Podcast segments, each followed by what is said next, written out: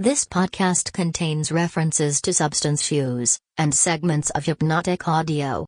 Do not operate heavy machinery while listening. Headphones recommended.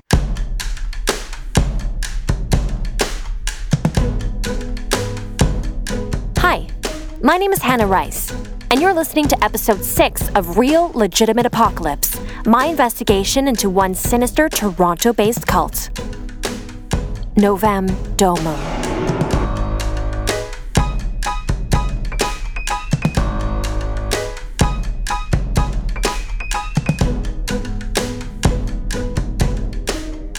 Previously on Real Legitimate Apocalypse, my best friend and ex roommate Alba recently moved to Vancouver. Right. Yes, and I was able to get an internship there, so I moved out here right after graduating. I attended a meditation, wellness, and fulfillment class taught by, Uh, my name's Lawrence. Welcome. who invited me to a meeting group in the Parkdale Recreation and Community Center basement to fight a condo development on the street on which I lived. The group was led by an older woman, My name is Amherst. And it turns out that I am part, or rather, we are part of the Toronto Neighborhood Alliance Network. a network that I started to investigate and discovered was somehow related to the Hermetic school of Heinrich Khunrath, while at the same time listening to online audio meditations that Lawrence had suggested I listen to. Crimson. Amherst invited Lawrence and I to a weird meeting in High Park, where I was put into a meditation that I don't remember, and then was woken up, and then followed home by some dude. And then Alba called and said I was acting weird after she overheard one of the audio meditations, which then told me to hang up on her, which I did. And then Alba and I hatched a plan via email because I didn't feel comfortable talking on the phone with her. Never again tell her about the network. And then I went to the Parkdale Rec Center basement, and Amherst was there, and she tortured Emily and I with some weird sound box. My head was exploding. The sound was resonating within my head like an echo that couldn't escape the space between my ears. And then the next thing I had known, I had woken up in a strange room in strange black clothes, and I had walked down the hall and up a flight of stairs into a large, high ceilinged room with a hundred chairs pointed towards the stage, and above the stage was a great sheet of metal, engraved and painted, depicting a great fiery rose with a figure in the center. And I had looked outside and realized that I was inside the Hermetic School of Heinrich Khunrath. And that is where we pick up at the end of episode 5. I looked away from the great piece of art. Two walls of the room were lined with windows, letting the morning sunshine in. Outside was a lawn, lined with a low fence. On the other side of the fence, 200 feet away from where I stood, was a paved street. I knew where I was. You know where I was. I was inside 97 Glen Edyth Drive. I was inside the Hermetic School of Heinrich Khunrath. Good morning, Hannah. Standing in a doorway across this church like room was a woman I had seen before. She was in her mid 30s and she was smiling. Let's recap. All the way back in episode 1, at the first meeting I had attended in the basement of the Parkdale Recreation and Community Center, which feels like a lifetime ago, before I'd even heard about the Toronto Neighborhood Alliance Network, I looked to my fellow attendees and connected eyes with the mid 30 year old woman. She was definitely not down for another one of these meetings. None of us were. But we all nodded our heads and promised that we would be back with at least one other person. Pretty dull, eh? Lawrence and I climbed the stairs to the main floor of the rec center. Mid 30 year olds had caught up to us. I know what you mean. I put my journalistic hat on. How did you hear about the meeting? Oh, I've known about the development for a while now. Really? I've been against it from the start. Yeah? It is hideous. Do you live around here? Yes, my name is Teresa. Hannah. Oh, hi. Yes, I live just around the corner. I know this meeting was kind of a downer, but I do think if we get enough people together, we could really make something happen.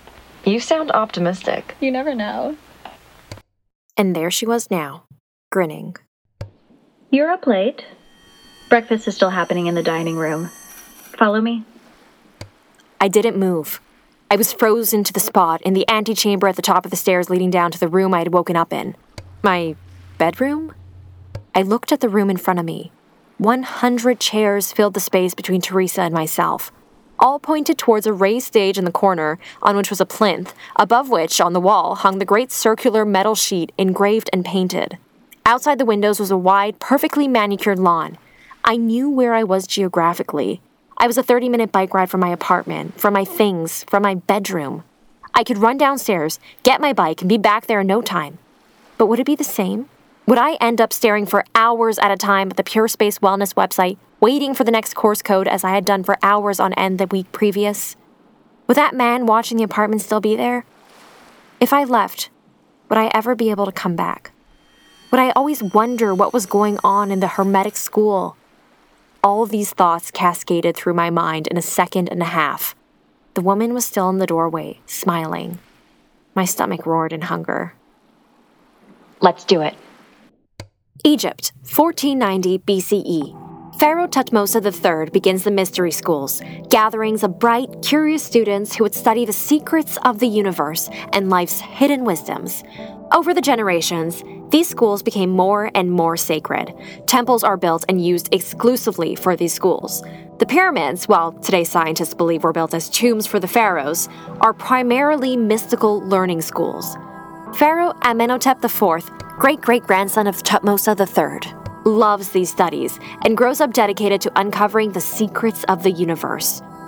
One day, Amen discovers something that would alter the course of all humanity.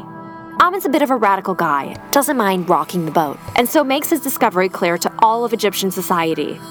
The universe is only ruled by one single, all powerful deity called Aten. The Egyptian elites lose their marbles. They know that there isn't one all powerful god, but a ton. Nun, Hathor, Ma'at, Isis, etc. Pharaoh Amen doesn't relent under their scorn. He moves the capital of Egypt from Thebes to Akhetaten and there builds a temple shaped like an equilateral cross. In this temple, Amen continues his teachings of the one all powerful God with a tight knit group of dedicated students.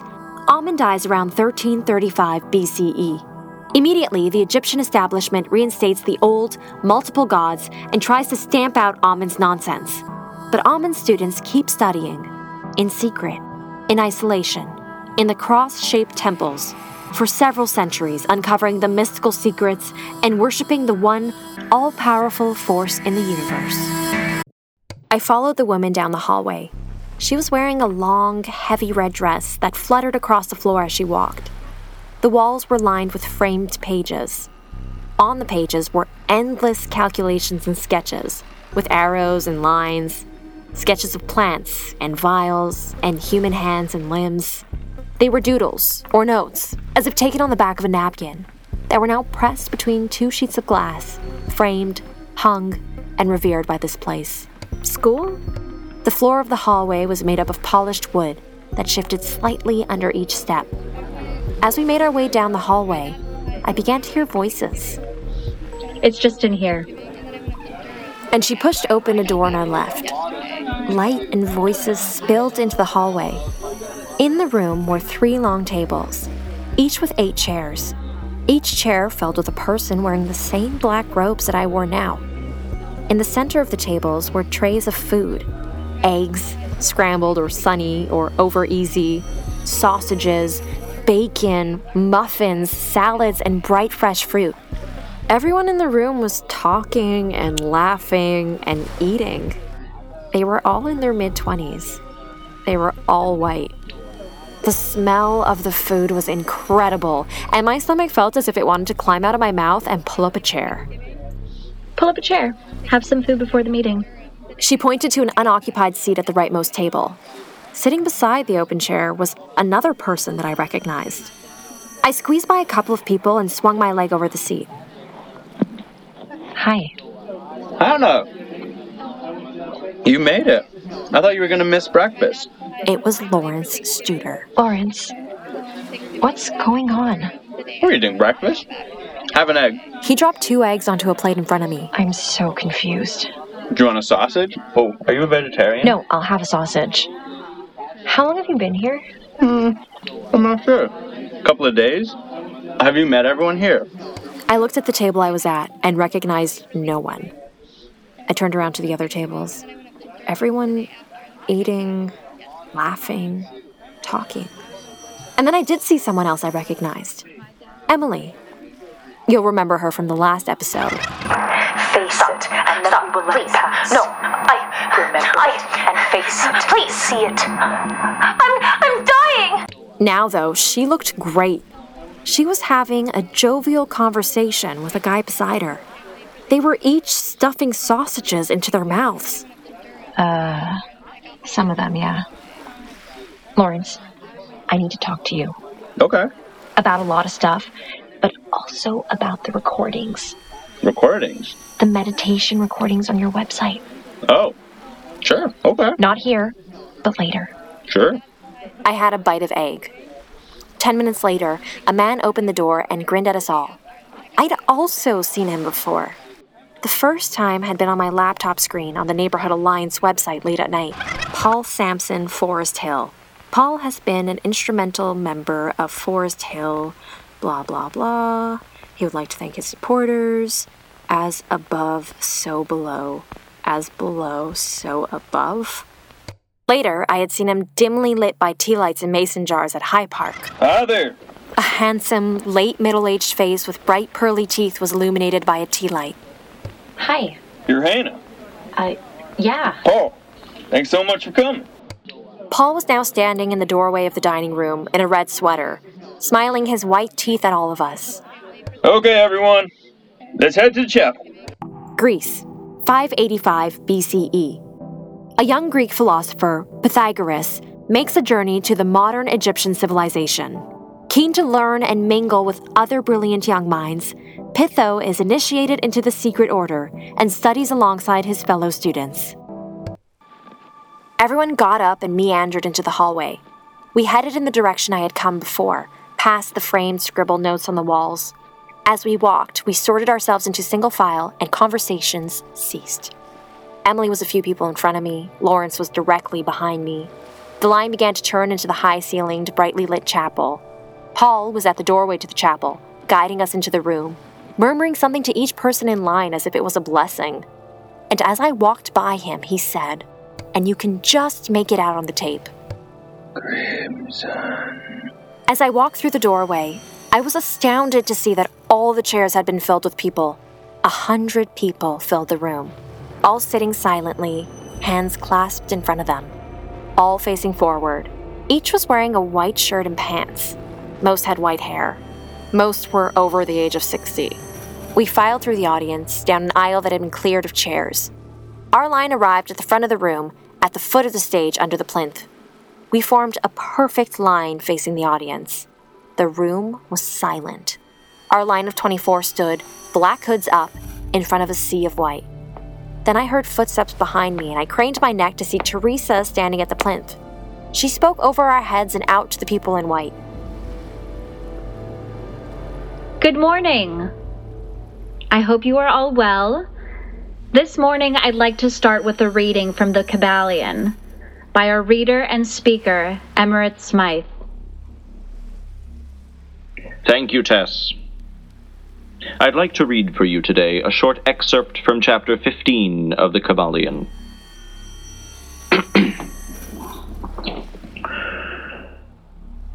the possession of knowledge, unless accompanied by a manifestation and expression in action, is like the hoarding of precious metals, a vain and foolish thing.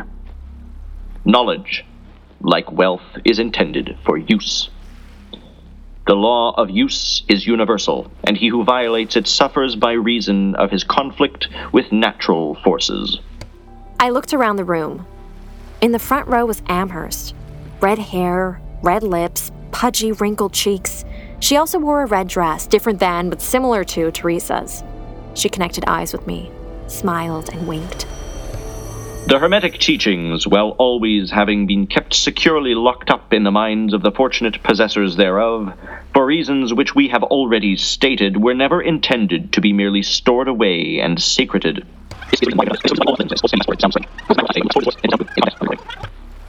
Knowledge without use and expression is a vain thing, bringing no good to its possessor or to the race.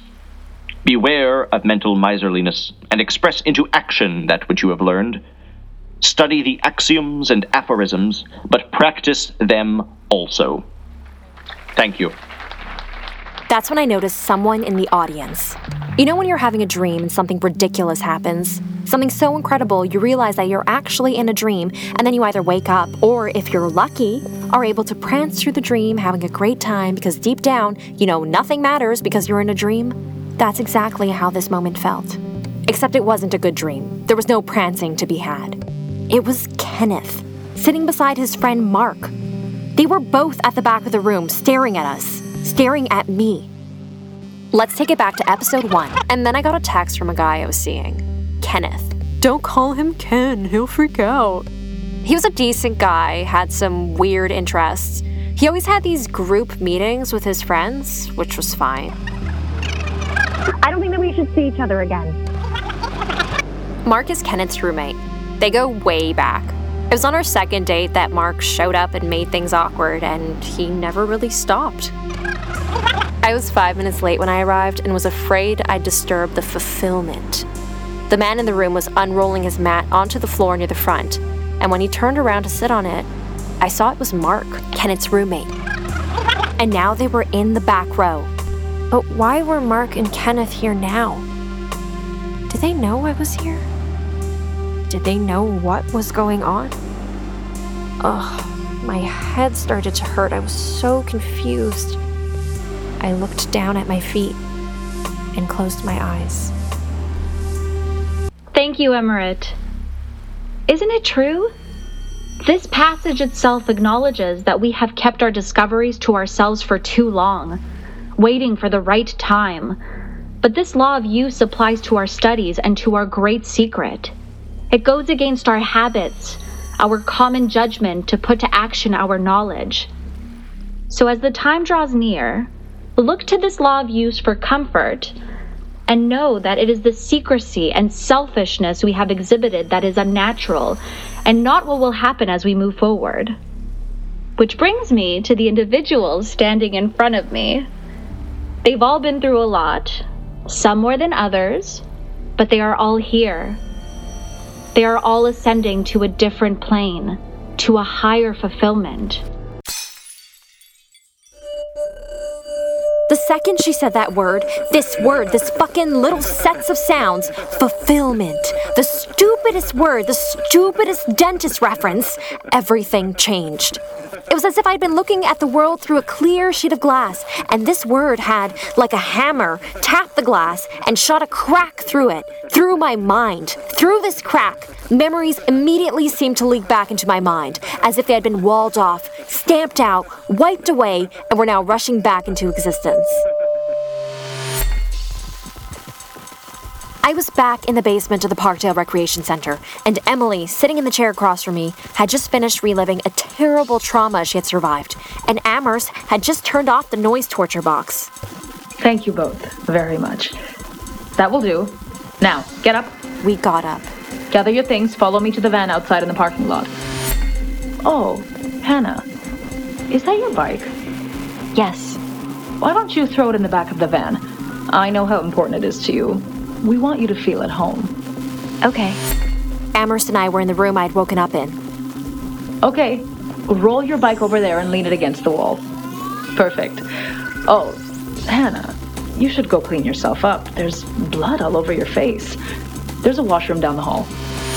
I woke up the next morning wearing the same clothes as the day before. I'd walked up the stairs like I had this morning, and Paul from Forest Hill had been there. Hannah, you should get into your school clothes. You smell awful. And I had. I had gone back downstairs and changed into the all black outfit in the closet.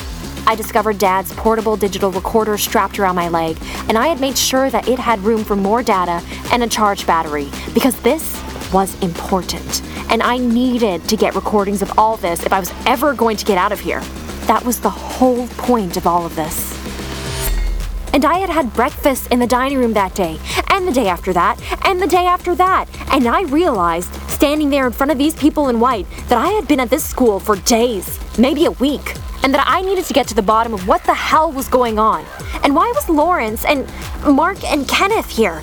And then the crack started to close. And I would like to thank them for their journey and their future journey with us.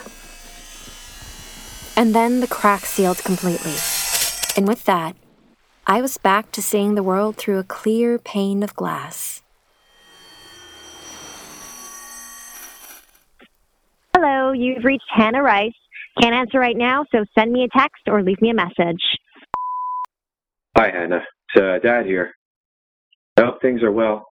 I've been texting you and I haven't got any responses.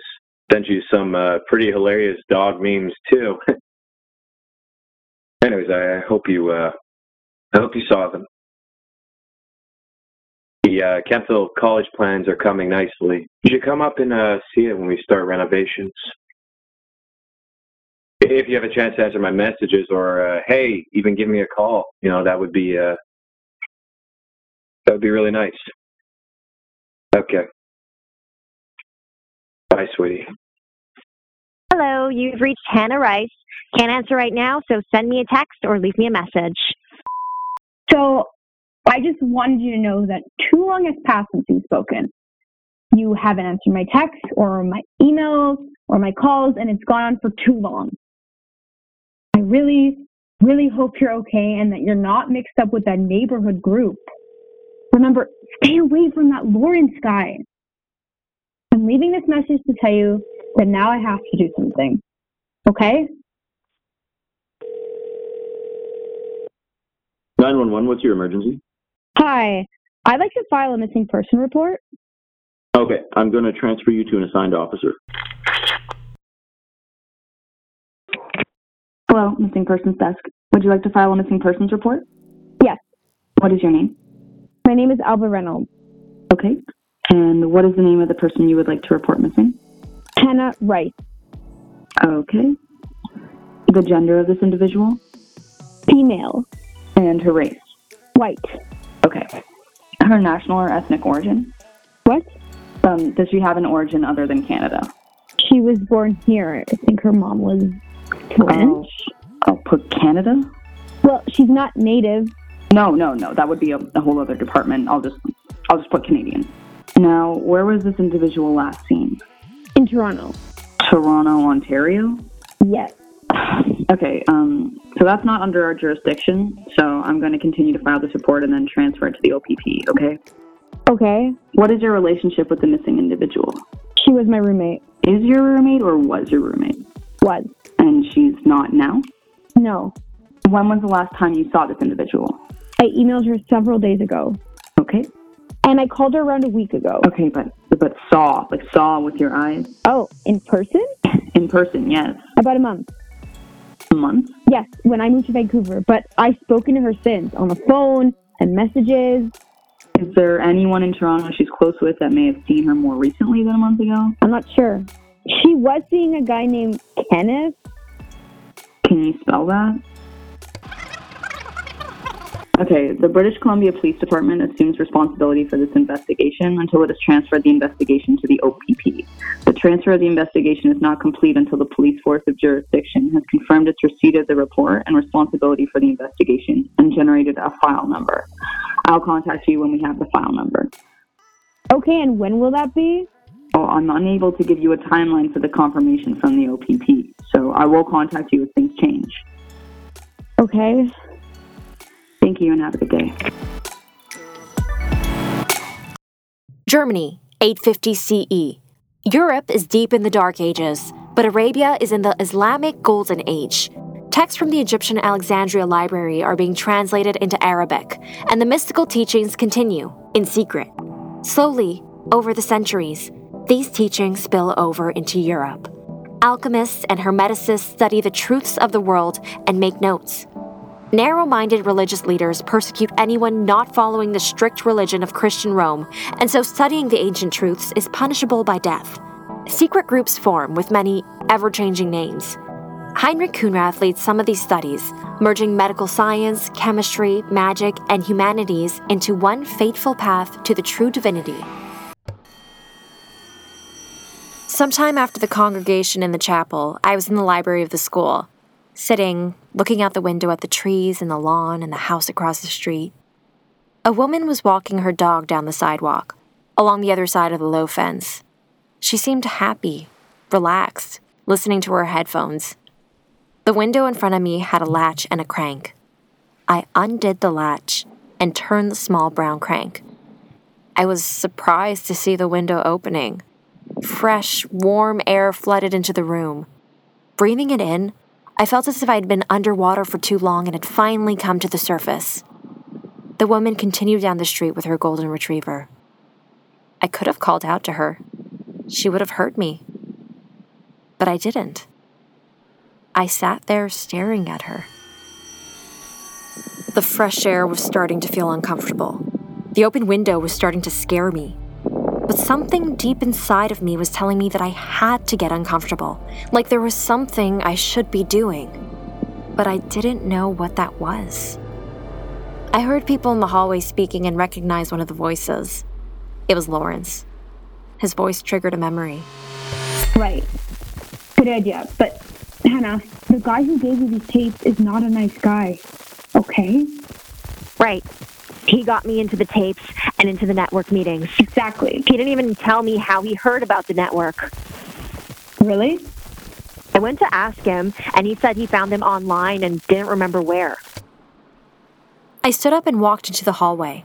Lawrence was speaking to another guy about something. They were having a jovial conversation. I walked up and stood beside them. And then I was saying to him that the vibration of the all could be manipulated. and he was claiming the opposite. Hannah, hi. Hi. Sorry. Can I talk to you? Yeah. Sorry. What's up? I wanted to ask you some questions. Okay. Do you know a guy named Mark? Mark? There are a lot of marks. Come in here. I pulled him into a washroom and locked the door. Yeah, this guy was at your class the first time I attended. Oh, you probably mean Mark Jensen. Yes, Jensen. I should have mentioned it earlier. That's Mark's last name. Yes. Yeah, I know him. He actually helped set my class up and stuff, advertise, all that kind of thing. Okay, do you know a guy named Kenneth? No, I don't know any Kenneths. Why? Why did you tell me to listen to the recordings on your website? Oh, because they're helpful? It's not your voice in the recordings. Whose voice is it? Why do you want to know? I paused. I couldn't answer his question because I didn't know. I couldn't remember. All I knew was that it was important that I ask. I felt like I was teetering on some kind of edge. If I fell backwards, it was into a warm, comfortable red bed. If I fell forwards, it was into an uncomfortable, terrifying, complicated situation. Why are you crying? I I just I hate you for some reason and I don't know why. Okay. You did something to me, Lawrence, and I don't know what it is, but it has to do with me listening to these recordings on your website. Why did you make those recordings? Hannah. Ever since I took your stupid class, my life has been fucked up, and now I'm in this house, and I don't know what day it is, and I don't know if I'm insane or not. Hannah. Don't touch me! Tell me why you made those recordings. Why was the same man who voices them in High Park? Speaking felt good. The more I spoke, the more things became clear, as if my mouth was in control of itself and was telling my mind what was going on. It took a massive effort to stay focused on the thoughts I was having. The sheet of glass I had been looking at the world through was starting to crack open again. It took all my mental focus to keep the cracks open and the information flowing. I listened to your recordings, and then you lead me to the Neighborhood Alliance, and then the voice in your recordings gave me instructions, and now I'm here all because of you. This is your fault, and I want to know why you did this to me.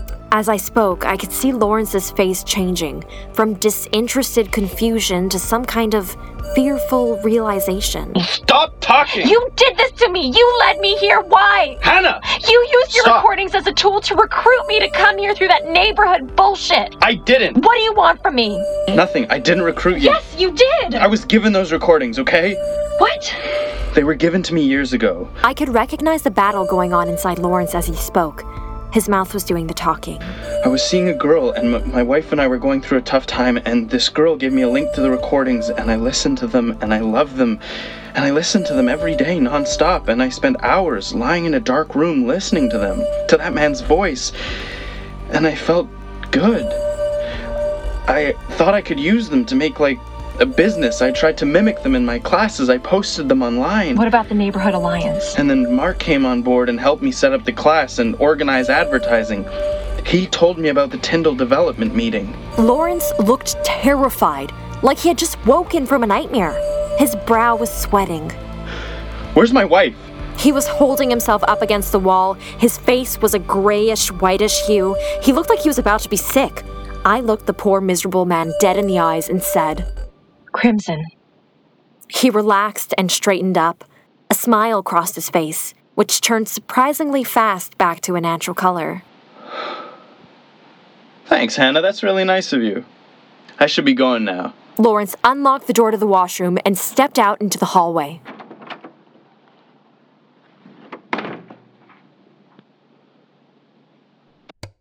Kassel, Germany, 1614. A book is published entitled Fama Fraternitatis. This book announces the existence of the secret fraternity of the Rose Cross and the discovery of a tomb, a tomb belonging to the sacred teacher Christian Rosenkreutz. This tomb isn't just any tomb, it's a vault with seven sides. In the center is a circular altar engraved with figures, numbers, and words. Under the altar is Christian's sarcophagus. His body, although having died decades before, is perfectly intact. Triangles are engraved on the floor and ceiling of the tomb. A second sun shines down on the tomb, and the names of infernal spirits cover the floor. The seven walls are divided into ten squares, each covered in markings. Behind each wall is a chest. This tomb contains all of the mystical teachings and discoveries, and most importantly, the one true path of humanity, and the one unifying power in the universe. Now uncovered, the secret group is ready to expand, a group led by Christian Rosenkreutz, the Rosicrucians, the Order of the Rose Cross, the Fiery Rose. Another chapel gathering. The same 100 people in white seated, watching, listening. The great fiery red rose on the wall above her. The mystical secret has survived through all of human history. Kindled by the Egyptians, kept alive by the Greeks, protected by the Romans, and celebrated by the Hermeticists in the Middle Ages. This mystical secret is the thread that flows through human history, the one constant that has survived, waiting to be revealed, acted upon. Today, in the new millennium, we add modern science to the story of the secret. According to NASA, the carbon dioxide level of the globe is unprecedented. For the past 400,000 years, the CO2 level has not exceeded 300 parts per million. In the year 1950, it did. And in the last 70 years, it has increased by another 100 parts per million. The surface temperature of the globe has increased by 1 degree Celsius since the 19th century. The temperature of the oceans have increased by 0.2 degrees Celsius since 1970. We are losing an average of 281 billion tons of Arctic and 116 billion tons of Antarctic ice per year. Glaciers around the globe are retreating faster than ever before. Global snowfall has decreased every year for the past five years. The global sea level has increased in the last 20 years, nearly double the increase of the entire 19th century. The acidity levels of the global oceans have increased by 30%. Deep down, every person knows the secret. We always have. Humans are just too base to act on the truth. The all has always needed for us to complete our own self fulfilling prophecy. From the beginning of time, this was our destiny, and now has come the time for us to carry out the secret. You are on the path to fulfillment. I had been ready for this opportunity.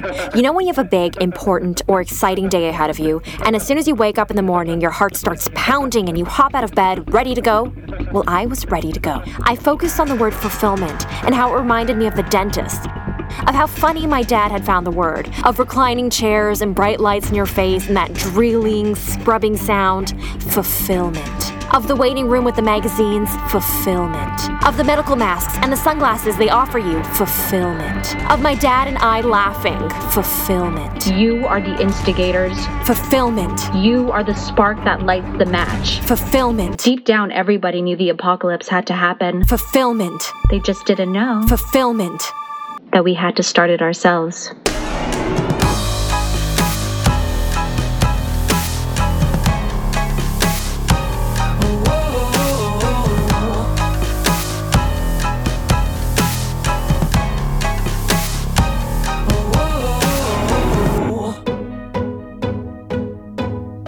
Hey, so you just listened to episode six of Real Legitimate Apocalypse, I know things are crazy.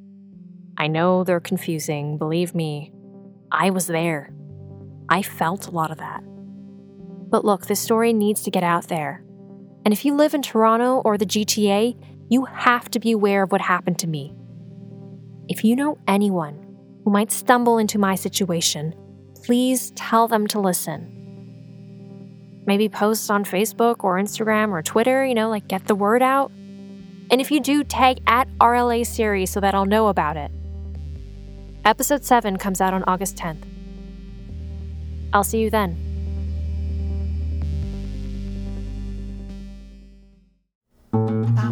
This podcast has been brought to you by the Sonar Network.